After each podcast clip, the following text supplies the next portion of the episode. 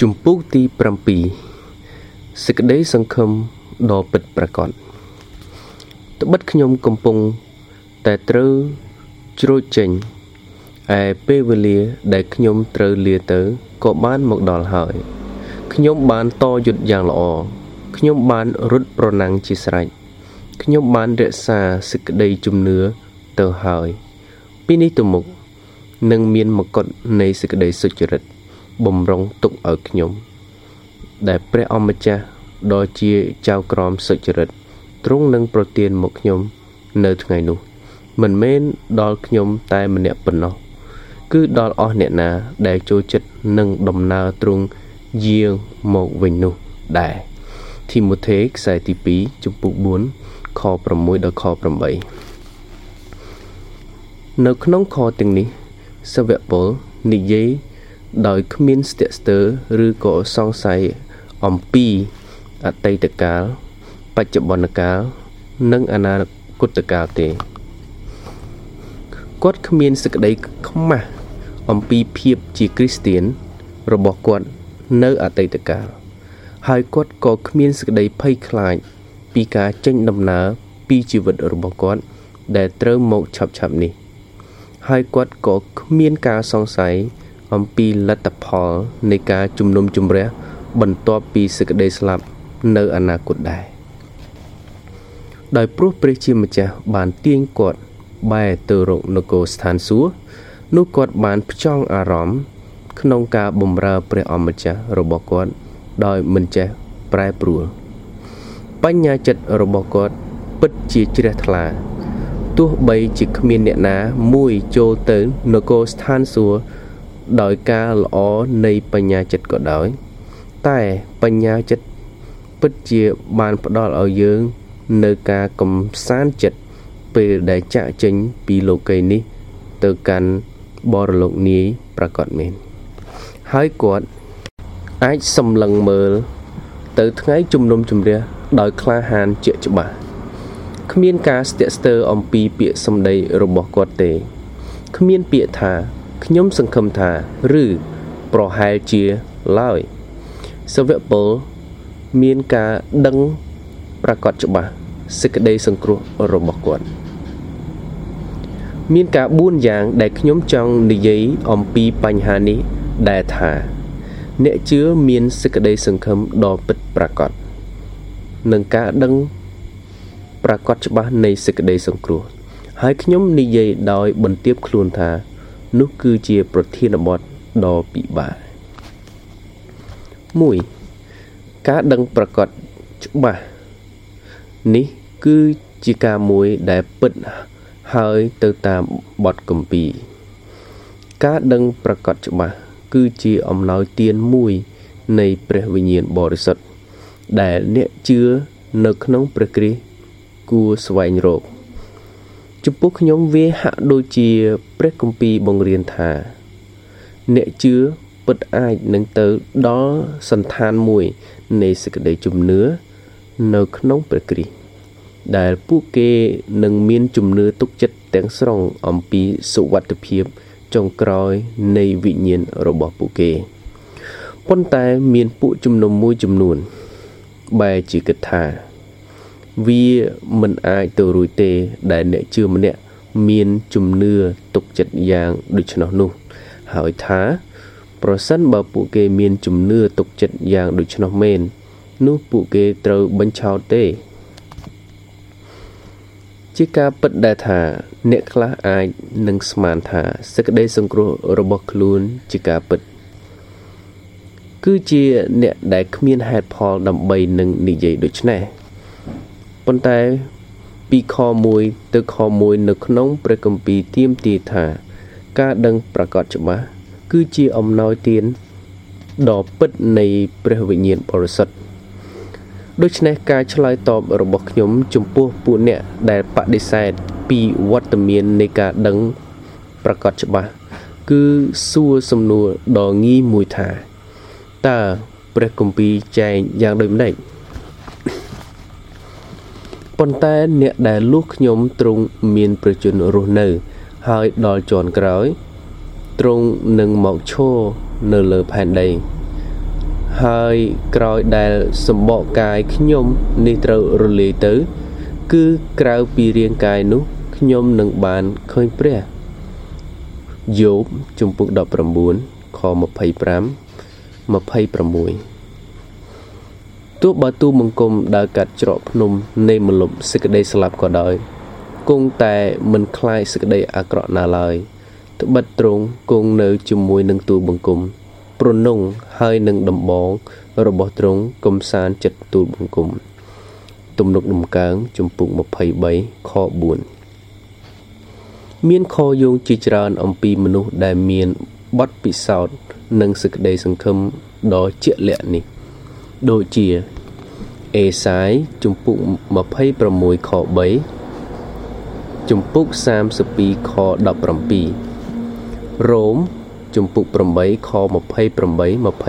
29កូរិនថូសខ្សែទី2ជំពូក5ខ1និងជំពូក6កូឡូសជំពូក2ខ2ធីម៉ូថេខ្សែទី2ជំពូក1ខ12ហេព្រើរ ជំពូក6ខ11ជំពូក10ខ22ពេត្រុសខ្សែទី2ជំពូក1ខ10យ៉ូហានខ្សែទី1ជំពូក3ខ14និងជំពូក5ខ13នៅក្នុងបទគម្ពីរទាំងអស់នេះ យើងរកឃើញនៅការបន្ទាបខ្លួននិងការដឹងប្រកបច្បាស់បន្តិចម្ដងបន្តិចម្ដងហើយការដឹងប្រកបច្បាស់ដែលគេនិយាយនេះ គឺតែងតែជាការជឿជាក់នៅក្នុងព្រះជាម្ចាស់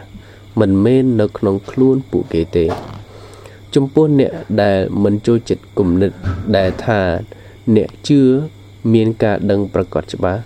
នោះមានន័យថាមិនបានដើរតាមគំរូរបស់លោកយោបអ្នកចម្រៀងទំនុកដំកើងលោកអេសាយលោកប៉ុលលោកពេត្រុសនិងលោកយ៉ូហានទេ ពួកគាត់ជាមនុស្សដែលមានចិត្តបន្ទាបតែពួកគេបាននិយាយថាមានសេចក្តីសង្ឃឹមដ៏ជាក់លាក់មួយតើការដឹងប្រកាសច្បាស់អាចជាការខុសឆ្គងដោយរបៀបណា បើព្រះជាម្ចាស់បានប្រទានសេចក្តីសន្យាដ៏ប្រកបរបស់ទ្រង់មកយើងហើយនោះ2អ្នកជឿម្នាក់នឹងមានសេចក្តីជំនឿដែលបានសង្គ្រោះតែមិនស្គាល់ ពីការដឹងប្រកបច្បាស់ខ្ញុំជឿថាជាការដ៏សំខាន់ណាស់ក្នុងការស្គាល់ពីភាពខុសគ្នារវាងសេចក្តីជំនឿនិងការប្រកបច្បាស់សេចក្តីជំនឿគឺរឹសនៃការជឿរបស់យើង ហើយការដឹងប្រកបច្បាស់ជាផ្កាយើងមិនដែលអាច មានផ្កាដោយគ្មានឫសបានទេប៉ុន្តែជួនកាលអ្នកមានឫសតែគ្មានផ្កាសេចក្តីជំនឿដ៏សាមញ្ញនៅក្នុងព្រះគ្រីស្ទនឹងសង្គ្រោះមនុស្សម្នាក់ជាមិនខានប៉ុន្តែពួកគេអាចនឹងមិនដែលមានសេរីភាពពីការព្រួយបារម្ភនិងការសង្ស័យសេចក្តីជំនឿនឹងនាំឲ្យប្រលឹងវិញ្ញាណមួយឲ្យបាន ទៅនគរស្ថានសួគ៌ប៉ុន្តែ ការដឹងប្រកបច្បាស់នឹងនាំនគរស្ថានសួគ៌មកឯវិញ្ញាណមួយវិញសេចក្តីជំនឿគឺជាការស្រែកឡើងរបស់ពេត្រុសថាព្រះអម្ចាស់អើយសូមជួយសង្គ្រោះទូលបង្គំផងម៉ាថាយជំពូក14ខ30ការដឹងប្រកាសច្បាស់គឺថា លោកពេត្រុសដដែលនោះបានប្រកាសនៅចំពោះពួកក្រុមប្រឹក្សាថាព្រះអង្គនោះជាថ្មដែលលោករកគ្នា ជាជាងសង់ផ្ទះបានមើងងាយប៉ុន្តែទ្រង់បានត្រឡប់ជាថ្មជ្រុងយ៉ាងឯកវិញ ហើយគ្មានសក្តីសង្គ្រោះដោយសារអ្នកណាទៀតសោះត្បិតនៅក្រោមមេឃគ្មាននាមឈ្មោះណាទៀតបានប្រទានមកមនុស្សលោក ឲ្យយើងរាល់គ្នាបានសង្គ្រោះនោះឡើយកិច្ចការជំពូក4ខ11ខ12អ្នកណាដែលមានសេចក្តីជំនឿធ្វើបានល្អហើយប៉ុន្តែអ្នកណា ដែលមានការដឹងប្រកបច្បាស់ទៀតនោះកាន់តែប្រសើរ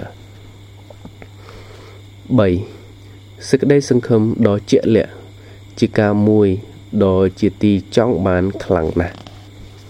ខ្ញុំប្រាថ្នាចង់ឲ្យការដឹងប្រកាសច្បាស់ត្រូវបានស្វែងរកលើសពីនឹងទៅទៀតអ្នកជឿជាច្រើនបានរស់នៅក្នុងការសង្ស័យនិងស្លាប់នៅក្នុងការសង្ស័យហើយទៅនគរស្ថានសួគ៌នៅក្នុងអាប់កការដឹងប្រកាសច្បាស់គឺជាទីចង់បានពីព្រោះវាផ្ដល់នៅការកំសាន្តចិត្ត និងមេត្រីភាពក្នុងលោកីនេះឲ្យយើង ការមិនដឹងប្រកាសច្បាស់នៅក្នុងបញ្ហានៃជីវិតនេះ ដូចជាទំនាក់ទំនងក្នុងគ្រួសារលុយកាក់និងការងារអាចបំផ្លាញសុខភាពខាងផ្នែកកាយចិត្តរបស់យើងរីឯការមិនដឹងប្រកាសច្បាស់ខាងសេចក្តីឯវិញ្ញាណវិញ អាចបំផ្លាញសុខភាពខាងប្រលឹងវិញ្ញាណរបស់យើងយ៉ាងដូចនោះដែរការដឹងប្រកាសច្បាស់នឹងជួយគ្រប់គ្រងអ្នកជឿនៅពេលអ្នកដែលជាទីស្រឡាញ់ទទួលមរណភាព វានឹងជួយឲ្យយើងនៅតែអាចសរសើរព្រះបានទោះបីជាស្ថិតនៅក្នុងស្ថានភាពដ៏លំបាកក៏ដោយប៉ុន្តែបានរីករាយនៅពេល ដែលរងទុក្ខដោយព្រោះព្រះគ្រីស្ទក៏ដោយ ការដឹងប្រកាសច្បាស់អាចធ្វើឲ្យទៅរួចដែលសាវកពេត្រុសបានគេងលក់យ៉ាងស្កប់ស្កល់នៅយប់មុនថ្ងៃគាត់ត្រូវគេសម្លាប់កិច្ចការជំពូក12ការដឹងប្រកាសច្បាស់ដកសេចក្តីភ័យខ្លាចចេញ ហើយវាធ្វើឲ្យអ្នកជឿដែលកំពុងតែចិត្តស្លាប់ ឲ្យនិយាយថា បើត្រសាលដែលជាទីលំនៅរបស់យើងខ្ញុំ នៅផែនដីនេះ ត្រូវបំផ្លាញនៅវេលាណា នោះយើងខ្ញុំមានវិមានមួយ ដែលមកពីព្រះ មិនមែនធ្វើនឹងដៃមនុស្សទេ គឺនៅលើស្ថានសួគ៌វិញ ជាវិមានដ៏នៅជាប់អស់កលជានិច្ចកូរិនថូសខ្សែទី2ចំពុក5ខ1ខ ការមានសេចក្តីសង្ឃឹមដ៏ជាក់លាក់មួយជួយឲ្យអ្នកជឿមានធម៌ពល សម្រាប់កិច្ចការគ្រីស្ទៀនជាទូទៅគ្មានអ្នកណាម្នាក់ធ្វើកិច្ចការដ៏ច្រើនសម្រាប់ព្រះគ្រីស្ទដូចជាពួកអ្នកដែលរីករាយដោយដឹងប្រកាសថានឹងបានចូល ទៅកាន់នគរស្ថានសួគ៌នោះទេ អ្នកជឿដែលខ្វះការដឹងប្រកាសច្បាស់នឹងចំណាយពេលច្រើន ក្នុងការស្វែងយល់ពីចិត្តរបស់ខ្លួនឯងអំពីស្ថានភាពខាងប្រលឹងវិញ្ញាណរបស់ខ្លួនប៉ុន្តែអ្នកជឿដូចជាសវៈពល មានសេចក្តីជំនឿយ៉ាងមុតមមមួយ ហើយនឹងសេចក្តីសង្ឃឹមដ៏ពិតប្រាកដមួយ អ្នកយ៉ាងនោះមានសេរីភាពពីការរំខាននានា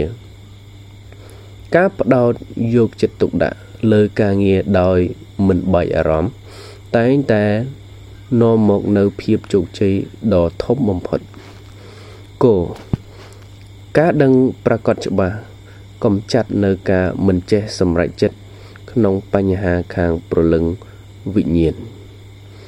មនុស្សជាច្រើនដែលគ្មាន ដែលគ្រាន់តែ សង្ឃឹមថាខ្លួនជាកូនព្រះប៉ុន្តែ គេតែងតែយល់មិនច្បាស់ពីរបៀប ដែលខ្លួនត្រូវប្រព្រឹត្តបែបជាយ៉ាងណាតើពួកគេគួរធ្វើនេះឬធ្វើនោះឬទេតើពួកគេមិនត្រូវធ្វើនេះឬធ្វើនោះឬទេហើយនេះពីព្រោះតែពួកគេមិនច្បាស់ថាពួកគេជាកូនរបស់ព្រះ100%ឬយ៉ាងណា ប្រសិនបើគេថា កិច្ចការសង្គ្រោះរបស់ព្រះគ្រីស្ទពិតជាសម្រាប់ពួកគេមែននោះពួកគេនឹងដឹងប្រកាសថាពួកគេជាកូនរបស់ព្រះ ហើយនឹងចេះសម្រេចចិត្តលើលើសកម្មភាពរបស់ពួកគេថាត្រូវធ្វើយ៉ាងណាខការដឹងប្រកាសច្បាស់គួរជាទីចង់បាន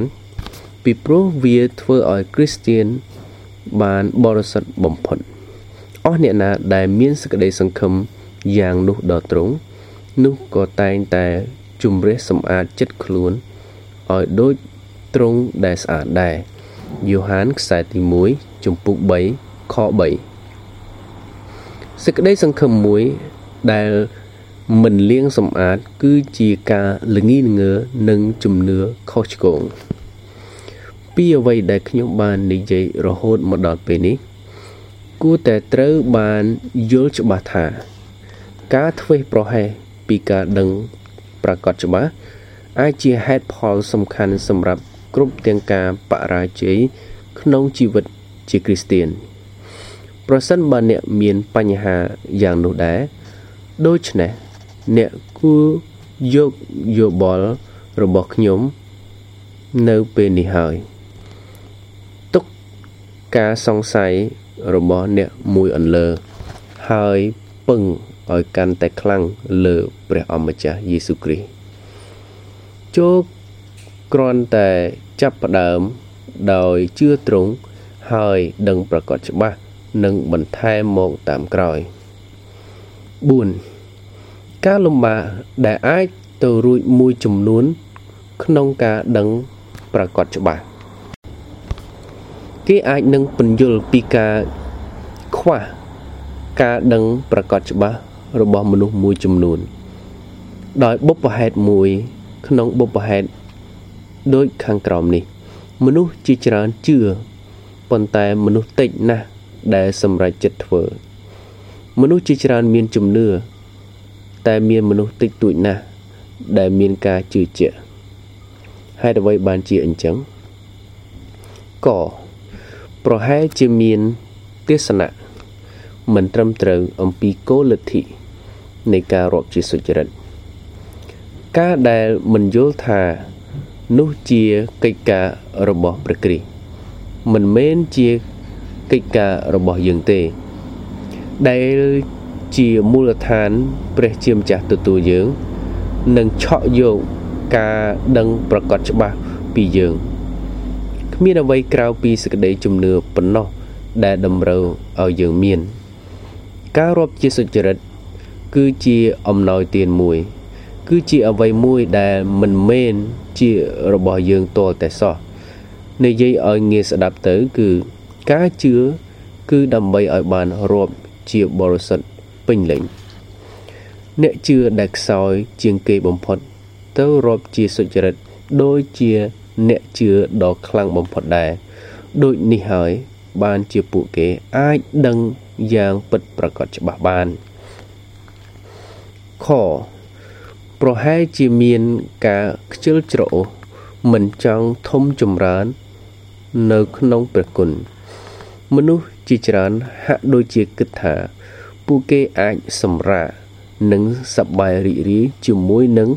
ជំនឿថ្មី ដែលទៅតែរកឃើញរបស់ពួកគេ ពួកគេត្រូវបានរំលឹកថាព្រះគុណនេះត្រូវបានប្រទានមកពួកគេ ទុកជាប្រាក់ណែនដែលពួកគេត្រូវប្រើអ្នកជឿត្រូវបន្ថែមសេចក្តីជំនឿរបស់ខ្លួនឥតឈប់ឈរពេត្រុសខ្សែទី2ជំពូក1ខ5 មានទំនាក់ទំនងដែលមិនអាចបំបែកបាន មួយរវាងការឧស្សាហ៍ព្យាយាម និងការដឹងប្រកបច្បាស់ហេព្រើរជំពូក6ខ11ពេត្រុសខ្សែទី2ជំពូក1ខ10នៅក្នុងជីវិតខាងប្រលឹងវិញ្ញាណការដឹងប្រកបច្បាស់មិនដែលមកដោយគ្មានសក្តីឧស្សាហ៍ព្យាយាមនោះទេ ការបង្រៀនមួយនៃពួក Puritan មានសារៈសំខាន់ណាស់គឺសេចក្តីជំនឿនៃការប្រតិបត្តិដ៏តឹងរឹងឧទាហរណ៍ការបដិញ្ញាចិត្តចំពោះព្រះគ្រីស្ទមកដោយសារការលឺប៉ុន្តែសេចក្តីជំនឿនៃការដឹងប្រកបច្បាស់មិនមកដោយគ្មានការធ្វើអ្វីម្យ៉ាងនោះទេគ្រីស្ទៀនដែលខ្ជិលច្រអូសតែងតែខ្វះខាតការបួនយ៉ាងគឺ សេចក្តីកំសាន្តចិត្តការស្កប់ចិត្តការជឿជាក់និងការដឹងប្រកបច្បាស់ព្រះបានបង្កើតការញែកចេញពីគ្នាមួយរវាងសេចក្តីអំណរនិងការមិនធ្វើការ រវាងការដឹងប្រកាសច្បាស់និងការខ្ជិលច្រអូសដូច្នេះហើយបានយើងមិនអាចទៅរួចទេ ដែលអ្នកយកអ្វីដែលព្រះជាម្ចាស់បានញែកចេញពីគ្នាទៅជាមួយនោះគោហេតុផលមួយទៀតក្នុងការដែលខ្វះការដឹងប្រកបច្បាស់អាចជាជីវិតមួយដែលមិនខ្ជាប់ខ្ជួន ការមិនខ្ជាប់ខ្ជួននៅក្នុងជីវិត គឺជាការបំផ្លាញដល់សេចក្តីសុខសាន្តនៃបញ្ញាចិត្តប្រសិនបើអ្នកនឹងនៅតែមានទម្លាប់មិនល្អ ហើយមិនអាចធ្វើការសម្រេចចិត្តក្នុងការបោះបង់វាចោលនោះអ្នកនឹងមិនដែលមានការដឹងប្រកបច្បាស់បានឡើយយើងរាល់គ្នាដឹងថាយើងស្គាល់ទ្រង់ដោយសារសេចក្តីនេះ គឺដោយយើងកាន់តាមបញ្ញត្តិទ្រង់យូហានខ្សែទី1ចំពុក3ចំពុក2ខ3សេចក្តីសង្គ្រោះរបស់យើងមិន ពឹងផ្អែកលើការប្រព្រឹត្តរបស់យើងទេប៉ុន្តែសេចក្តីកំសាន្តចិត្តរបស់វាពិតជាពឹងផ្អែកលើការដើរខ្ជាប់ខ្ជួនជាមួយ ជាគ្រីស្ទៀនរបស់យើងវិញជំពូកទី8ចូលឲ្យបានដូចជាលោកម៉ូសេដោយសារសេចក្តីជំនឿនោះលោកធំហើយ នោះលោកមិនព្រមឲ្យគេហៅខ្លួនជាកូនបុត្រីផារ៉ោនទៀតទេ លោកស៊ូរងទុកលំបាកជាមួយនឹងរះរបស់ព្រះ ជាជាងមានសក្តីអំណរខាងអំពើបាប ដែលនៅតែមួយផ្លេតនោះវិញ ដោយបានរាប់សេចក្តីដំណៀលដល់ព្រះគ្រីស្ទទុកជាទ្រព្យសម្បត្តិដ៏ប្រសើរជាងអស់ទាំងរបស់ថ្លៃវិសេសនៅស្រុកអេស៊ីបត្បិតលោកសម្លឹង ចំទៅឯរង្វាន់វិញហេព្រើរជំពូក11ខ24ដល់26ចំពោះអស់អ្នកដែលស្វែងរកគំរូនៃសេចក្តីបរិសុទ្ធខ្ញុំសូមផ្ដល់លោកម៉ូសេជាគំរូចំពោះខ្ញុំវាហាក់ដូចជារបៀបដែលសេចក្តីជំនឿដល់ព្រះជាម្ចាស់សូនជីវិតរបស់លោកម៉ូសេបង្ហាញយើងពីរបៀបដែលវាអាចសូនជីវិត យើងយ៉ាងដូចនោះដែរសេចក្តីជំនឿរបស់គាត់បណ្ដាលឲ្យគាត់មានអាកប្បកិរិយាក្នុងរបៀបជាក់លាក់នានាដូចជារបៀបដែលយើងត្រូវមានអាកប្បកិរិយា ប្រសិនបើយើងចង់រស់នៅ ជាជីវិតគ្រីស្ទៀនដ៏ខ្ជាប់ខ្ជួនមួយ1អ្វីអ្វីដែលលោកម៉ូសេបានបោះបង់ចោលក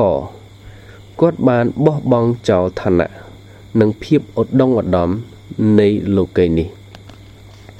គាត់បដិសេធមិនអោយគេស្គាល់ថាគាត់ជាកូនប្រុសរបស់បុត្រីផារ៉ោនទេ ដោយព្រោះព្រះនាងអេស៊ីបបានយកមកចិញ្ចឹមនិងអប់រំគាត់ទុកដូចជាកូនប្រុសបង្កើតលោកម៉ូសេអាចនឹងជាមនុស្សសំខាន់នៅក្នុងដំណាក់ស្ដេចអេស៊ីប គាត់អាចនឹងមានឋានៈអំណាចកិត្តិយសនិងបុណ្យស័ក្តិដែលការទាំងអស់នេះ មនុស្សជាច្រើន ស្វែងរកចង់បានបំផុតប៉ុន្តែគាត់បានបដិសេធការទាំងនោះវិញខគាត់បដិសេធសេចក្តីសប្បាយរីករាយនៅក្នុងដំណាក់ស្ដេចអេស៊ីបមានការសប្បាយរីករាយជាច្រើនប្រភេទកំពុងរងចាំគាត់ដូចជា ការសប្បាយ ខាងឯសេចក្តីត្រេកត្រអាល ខាងសង្គមនិងខាងប្រាជ្ញា ប្រទេសអេស៊ីបគឺជាមជ្ឈមណ្ឌលរៀនសូត្រជាមជ្ឈមណ្ឌលសិល្បៈនិងជាមជ្ឈមណ្ឌលវិទ្យាសាស្ត្រសេចក្តីសប្បាយរីករាយគឺអ្វីម្យ៉ាង ដែលមនុស្សជាច្រើនចំណាយពេល នៅក្នុងជីវិតដើម្បីឲ្យបានទទួលវា នេះជាសេចក្តីល្បួងដ៏ធំណាស់ណ ដែលការទាំងអស់នេះត្រូវតែជារបស់គាត់គោគាត់បានបដិសេធទ្រព្យសម្បត្តិវត្ថុបាក់បែកបុរាណនៃប្រទេសអេស៊ីបផ្ដល់នៅការចង្អុលបង្ហាញពីទ្រព្យសម្បត្តិនិងភាពឧត្តមឧត្តមនៃប្រទេសអេស៊ីបដែលធ្លាប់ជារបស់ប្រទេសនោះ លោកម៉ូសេបានធំឡើង នៅក្នុងដំណាក់ស្ដេចផារ៉ោនគាត់ផ្ទាល់ មានបទពិសោធន៍ថាជីវិតនឹងស្រណុកសុខស្រួលយ៉ាងណា ក្នុងការដែលមានទ្រព្យសម្បត្តិនោះសេចក្តីល្បួងនេះអាចនឹងផ្ដល់សេចក្តីស្រណុកសុខស្រួលដល់គាត់ប៉ុន្តែនៅពេលវេលាបានមកដល់គាត់បានរកឃើញកម្លាំងក្នុងការបែកចេញពីរបស់ទាំងនោះវិញ2អ្វីដែលលោកម៉ូសេបានជ្រើសរើសក គាត់បានជ្រើសរើសការឈឺចាប់និងរងទុក្ខគាត់បានចូលរួមជាមួយប្រជាជនរបស់គាត់ដូចជា ប្រជាជនដែលជាអ្នករងគ្រោះនៃទេសភាព និងការបៀតបៀនសម្រាប់ពួកដែលហាក់ដូចជាគ្មានផ្លូវដែលត្រូវបានដោះលែងឲ្យរួចពីច្រវាក់ខ្នោះគ្នៀងនៃប្រទេសអេស៊ីបនិងសម្រាប់ពួកអ្នក ដែលនឹងទទួលបានប្រទេសដែលជាទីលំនៅ ដែលហាក់ដូចជាលើសហួសពីលទ្ធភាពរបស់ពួកគេ ជាធម្មតាការរុញរាពីការឈឺចាប់ ហើយជៀសវាងការរងទុក្ខប្រសិនបើយើងអាច នៅទីនេះមានបរិសម្នាក់ដែលមានលក្ខណៈដូចជាយើងដែរតែគាត់ជ្រើសរើសយកការរងទុក្ខ ខគាត់បានជ្រើសរើសចូលជាមួយក្រុមមនុស្សដែលគេស្អប់គាត់បានចាក់ចេញពីសង្គមដ៏អស្ចារ្យនិងប្រាជ្ញា ហើយសែបគប់ជាមួយពួកទេសករនិងពួកកម្មករគាត់បានឃើញមនុស្សដែលគេស្អប់ ហើយបានជ្រើសរើសដើរជាមួយពួកគេ ជាជាងដើរជាមួយពួកអភិជន នៅក្នុងទឹកដីនោះគោ គាត់បានជ្រើសរើសទទួលការរិះគន់និងការមើលងាយចូលគិតពីការលក់លើយមួយដែលលោកម៉ូសេបានស៊ូទ្រាំក្នុងការដកខ្លួនចេញពីដំណាក់ផារ៉ោនទៅចូលរួមជាមួយនឹងពួកអ៊ីស្រាអែលមានការមួយចំនួនដែលយើងខំស៊ូទ្រាំយ៉ាងលំបាកលំបិនបែរទៅជាការលក់លើយនិងការមើងងាយទៅវិញ ប៉ុន្តែនៅទីនេះមានបុរសម្នាក់ដែលមិនរុញរានឹងការលបងនេះ ហើយចូលចងចាំក្នុងចិត្តដែលថាលោកម៉ូសេមិនមែនជាមនុស្សកំសោយហើយអវិជ្ជានោះទេ ហើយគាត់ក៏មិនត្រូវបានបណ្ដេញចេញ បានជាគាត់ជ្រើសរើសធ្វើយ៉ាងដូច្នោះដែរ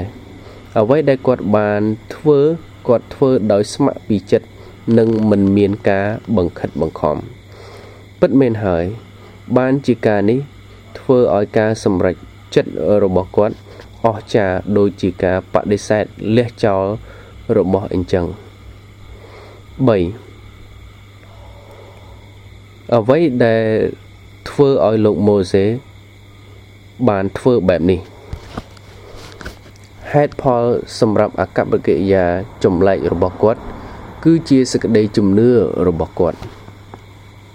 គាត់បានបដិសេធគ្រប់ការទាំងអស់ដែលគាត់បដិសេធហើយជ្រើសរើសគ្រប់ការទាំងអស់ដែលគាត់ជ្រើសរើសពីព្រោះគាត់បានជឿដល់ព្រះជាម្ចាស់ព្រះជាម្ចាស់បានបើកសម្ដែងដល់លោកម៉ូសេថា នៅពេលអនាគតទៅមុខ នឹងមានព្រះអង្គសង្គ្រោះមួយអង្គប្រសូតសម្រាប់ប្រជាជនអ៊ីស្រាអែលហើយថាផ្នែកដំបូងនៃដំណើរការនេះនាំនឹងនាំទៅរកការដែលត្រូវកើតឡើងនៅពេលបច្ចុប្បន្ននេះ តាមរយៈគាត់លោកម៉ូសេបានជឿថាព្រះជាម្ចាស់បានមានបន្ទូលកគាត់ជឿថា ព្រះជាម្ចាស់នឹងរក្សាសេចក្តីសន្យារបស់ទ្រង់ហើយទ្រង់ធ្វើដូចជាអ្វីដែលទ្រង់បានមានបន្ទូលខគាត់ជឿថាគ្មានអ្វីដែលព្រះធ្វើមិនកើតនោះទេហេតុផលមនុស្សអាចនឹងនិយាយថា ការរំដោះប្រជាជនអ៊ីស្រាអែលមិនអាចទៅរួចបានឡើយប៉ុន្តែសេចក្តីជំនឿរបស់គាត់បានប្រាប់គាត់ថា ព្រះជាម្ចាស់អាចធ្វើវាបាន គោគាត់បានជឿថាព្រះជាម្ចាស់មានគ្រប់ទាំងប្រាជ្ញាញាណហេតុផលមនុស្សអាចនឹងប្រាប់លោកម៉ូសេថាគាត់ជាមនុស្សល្ងីល្ងើដែលគាត់បោះបង់ចោលអត្ថប្រយោជន៍ដែលគាត់មាន ដោយចាក់ចេញពីដំណាក់របស់ផារ៉ោនប៉ុន្តែដោយសេចក្តីជំនឿលោកម៉ូសេបានយល់ថា ព្រះជាម្ចាស់បានចង្អុលបង្ហាញនៅផ្លូវជាក់លាក់មួយ ដែលជាផ្លូវដ៏ល្អបំផុតខគាត់បានជឿថា ព្រះជាម្ចាស់មានពេញទៅដោយសេចក្តីមេត្តាករុណាហេតុផលមនុស្សអាចនឹងលើកឡើងថា ព្រះជាម្ចាស់អាចធ្វើឲ្យជីវិតកាន់តែងាយស្រួល សម្រាប់ប្រជាជនអ៊ីស្រាអែលប៉ុន្តែសេចក្តីជំនឿបានប្រាប់លោកម៉ូសេថា ព្រះជាម្ចាស់ជាព្រះនៃសេចក្តីស្រឡាញ់ ហើយនឹងមិនឲ្យរាជរបស់ទ្រង់មានសេចក្តីជូរចត់មួយដំណក់ណា ដែលលើសពីអ្វីដែលចាំបាច់ឡើយងសេចក្តីជំនឿរបស់គាត់បានជួយគាត់ឲ្យយល់ពីស្ថានភាពពិតដែលមនុស្សកំពុងតែស្ថិតក្នុងគាត់បានដឹងថាភាពឧត្តមឧត្តមនៅក្នុងសង្គមមនុស្សគឺបណ្ដោះអាសន្នគាត់បានដឹងថា មានរង្វាន់មួយនៅឯនគរស្ថានសួគ៌សម្រាប់អ្នកជឿដែលស្ដាប់បង្គាប់ដែលច្រើនលើសជាងទ្រព្យសម្បត្តិនៃប្រទេសអេស៊ីបសន្ធឹកណាស់គាត់បានដឹងថាការលបងលោនិងការឈឺចាប់អាចជាមធ្យោបាយមួយសម្រាប់បង្វឹកដល់ពួកអ្នកជឿខាងឯជីវិតប្រលឹងវិញ្ញាណគាត់បានដឹងថាការពិតទៅពួកអ៊ីស្រាអែលជារាជនៃជំរើសរបស់ព្រះ តើគាត់មានអាកប្បកិរិយាបែបនោះ មិនត្រឹមត្រូវទេឬឈ្មោះបុត្រីរបស់ផារ៉ោនបានរលាយបាត់បង់ទីក្រុងនៃដំណាក់របស់ស្ដេចផារ៉ោនមិនបានគេស្គាល់ទៀតហើយទ្រព្យសម្បត្តិនៃប្រទេសអេស៊ីបក៏មិននៅទៀតដែរប៉ុន្តែឈ្មោះរបស់លោកម៉ូសេនៅតែគេស្គាល់ពេលណាគេអានព្រះគម្ពីរ គាត់ជាគំរូដ៏អស្ចារ្យមួយនៃការពិតដែលអស់អ្នកណាដែលរស់នៅដោយសារសេចក្តីជំនឿនឹងបានទទួលព្រះពរ4តើអ្វីទៅជាមេរៀនពិតប្រាកដដែលយើងអាចរៀនពីគំរូរបស់លោកម៉ូសេកប្រសិនបើអ្នកចង់ធ្វើជាគ្រីស្ទៀនពិតប្រាកដអ្នកត្រូវជ្រើសរើសផ្លូវរបស់ព្រះមិនមែន ជាផ្លូវរបស់លោកីទេ អ្នកត្រូវតែត្រៀមខ្លួនជាស្រេចដើម្បីទទួលយកការលំបាកហើយបដិសេធការដែលងាយនឹងស្រណុកសុខស្រួល ដែលមិនមែនជាបំណងព្រះハតិរបស់ព្រះវិញលោកីនៅសម័យនេះដូចជាលោកីនៅសម័យលោកម៉ូសេដែរគឺចិត្តរបស់មនុស្សនៅតែរឹងរូសប្រឆាំងនឹងព្រះ ហើយរាជរបស់ព្រះ នៅតែ គេស្អប់ខ្ពើមសំណួរដែលសំខាន់គឺតើអ្នកចង់បានសេចក្តីសង្គ្រោះដែរឬទេ បន្ទាប់អ្នកចងចាំថា អ្នកត្រូវជ្រើសរើសម្នាក់ដែលជាអ្នកនឹងបំរើ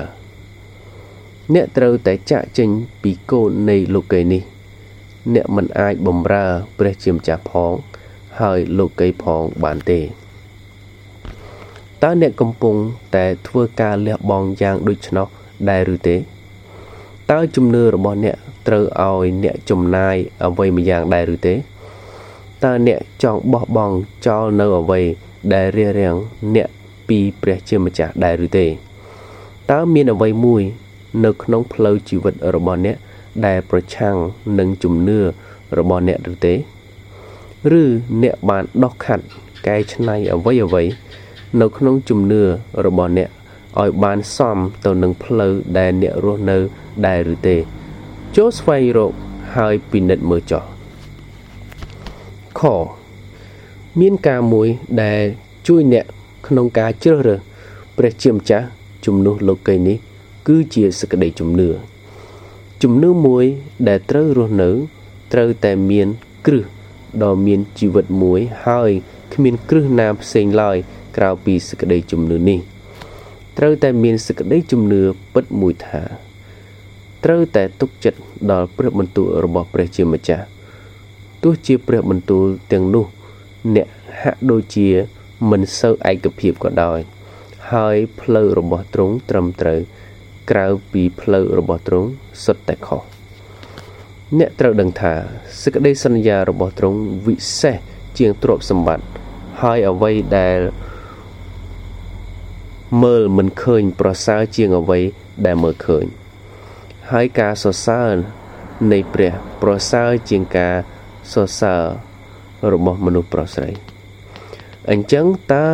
អ្នកនឹងសម្រេចជាជ្រើសរើសដូចជាលោកម៉ូសេហើយចូលចិត្តព្រះជាម្ចាស់ជាជាងលោកកេឬទេតើលោកណូអេលោកអាប់រ៉ាហាំនាងរស់និងលោកដានីយ៉ែល សុទ្ធតែបានធ្វើនិងប្រព្រឹត្តយ៉ាងនោះពីព្រោះពួកគេបានជឿព្រះជាម្ចាស់ដូចជាលោកម៉ូសេដែរគោហេតុផលដែលមនុស្សជាច្រើន ជាមនុស្សថ្មិលល្មើសនិងជាមនុស្សស្រើបស្រាលតាមលោកីគឺពីព្រោះតែពួកគេខ្វះជំនឿពួកគេមិនគិតថា អ្វីដែលព្រះជាម្ចាស់បានមានបន្ទូលជាការពិតនោះទេ មានមនុស្សជាច្រើនហៅខ្លួនឯងជាគ្រីស្ទៀនប៉ុន្តែគេមិនដែលធ្វើអ្វីដូចជាលោកម៉ូសេបានធ្វើនោះទេ មនុស្សបែបនោះមិនដែលជឿថាមានស្ថានរកទេ បានជាពួកគេមិនរត់ចេញពីវា ពួកគេមិនជឿថាមានស្ថានសួគ៌បានជាពួកគេមិនស្វែងរកវា ពួកគេមិនដែលជឿ ពីទោសកំហុសនៃអំពើបាបឡើយ បានជាគេមិនបែកចេញពីវា ពួកគេមិនដែលជឿថាពួកគេត្រូវការព្រះគ្រីស្ទទេ បានជាគេមិនទុកចិត្តត្រង់ពួកគេមិនមានការជឿជាក់នៅក្នុងព្រះជាម្ចាស់ទេ បានជាពួកគេមិនធ្វើអ្វីសោះសេចក្តីជំនឿដែលមិនមានអធិពលលើរបៀបនៃការរស់នៅ មិនមែនជាសេចក្តីជំនឿពិតប្រាកដទេខអាចកំបាំងនៃការធ្វើកិច្ចការដ៏ធំសម្រាប់ព្រះជាម្ចាស់គឺជាការដែលយើងត្រូវមានសេចក្តីជំនឿនៅក្នុងការដើរជាមួយព្រះព្រះអង្គម្ចាស់អ្នកនឹងទៅដល់ត្រឹមដែលអ្នកជឿនោះឯងមិននៅឆ្ងាយជាងនេះទេសេចក្តីមេត្រី ការអត់ធ្មត់សេចក្តីក្លាហាន ការឧស្សាហ៍និងការបម្រើព្រះ នឹងមិនធំជាងសេចក្តីជំនឿរបស់អ្នកនៅក្នុងទ្រង់ទេនៅពេលដែលអ្នកអានពីជីវិតរបស់ពួកគ្រីស្ទៀនដ៏អស្ចារ្យនាសម័យមុន អ្នកនឹងឃើញថាសេចក្តីជំនឿរបស់ពួកគេ គឺជាការជំរុញទឹកចិត្តដល់សេចក្តីបរិសុទ្ធរបស់ពួកគេ ពួកគេពោពេញទៅដោយសេចក្តីអធិដ្ឋាន បានជាសេចក្តីអធិដ្ឋាន គឺជាសេចក្តីជំនឿដែលពួកគេនិយាយ ជាមួយនឹងព្រះជាម្ចាស់ពួកគេឧស្សាហ៍ណាស់ពីព្រោះសេចក្តីឧស្សាហ៍ជាសេចក្តីជំនឿក្នុងការធ្វើការងារពួកគេក្លាហានណាស់ពីព្រោះសេចក្តីក្លាហាន ជាសេចក្តីជំនឿក្នុងការបំពេញកាតព្វកិច្ចពួកគេបរិសុទ្ធពីព្រោះសេចក្តីបរិសុទ្ធជាសេចក្តីជំនឿដែលពួកគេបង្ហាញឲ្យមើលឃើញតើអ្នកចង់យល់ច្បាស់លាស់ដូចជាលោកម៉ូសេដែរឬទេ ក្នុងការជ្រើសរើសព្រះជាម្ចាស់មិនជ្រើសរើសលោកីបើអញ្ចឹងចូលទៅហើយស្រែករកព្រះអម្ចាស់យេស៊ូវគ្រីស្ទថាព្រះអម្ចាស់អើយសូមឲ្យសេចក្តីជំនឿរបស់ទូលបង្គំបានកើនឡើងផងសេចក្តីជំនឿគឺជាឫសគល់នៃចរិតលក្ខណៈរបស់គ្រីស្ទៀនចូលឲ្យឫសរបស់អ្នកបានត្រឹមត្រូវហើយអ្នកនឹងបង្កើតផ្លែផ្កា ការរីកចម្រើនខាងឯប្រលឹងវិញ្ញាណរបស់អ្នកនឹងតែងតែអស្ចារ្យដូចជាសេចក្តីជំនឿរបស់អ្នកយ៉ាងដូច្នោះដែរចូលយកគំរូតាមលោកម៉ូសេចោះ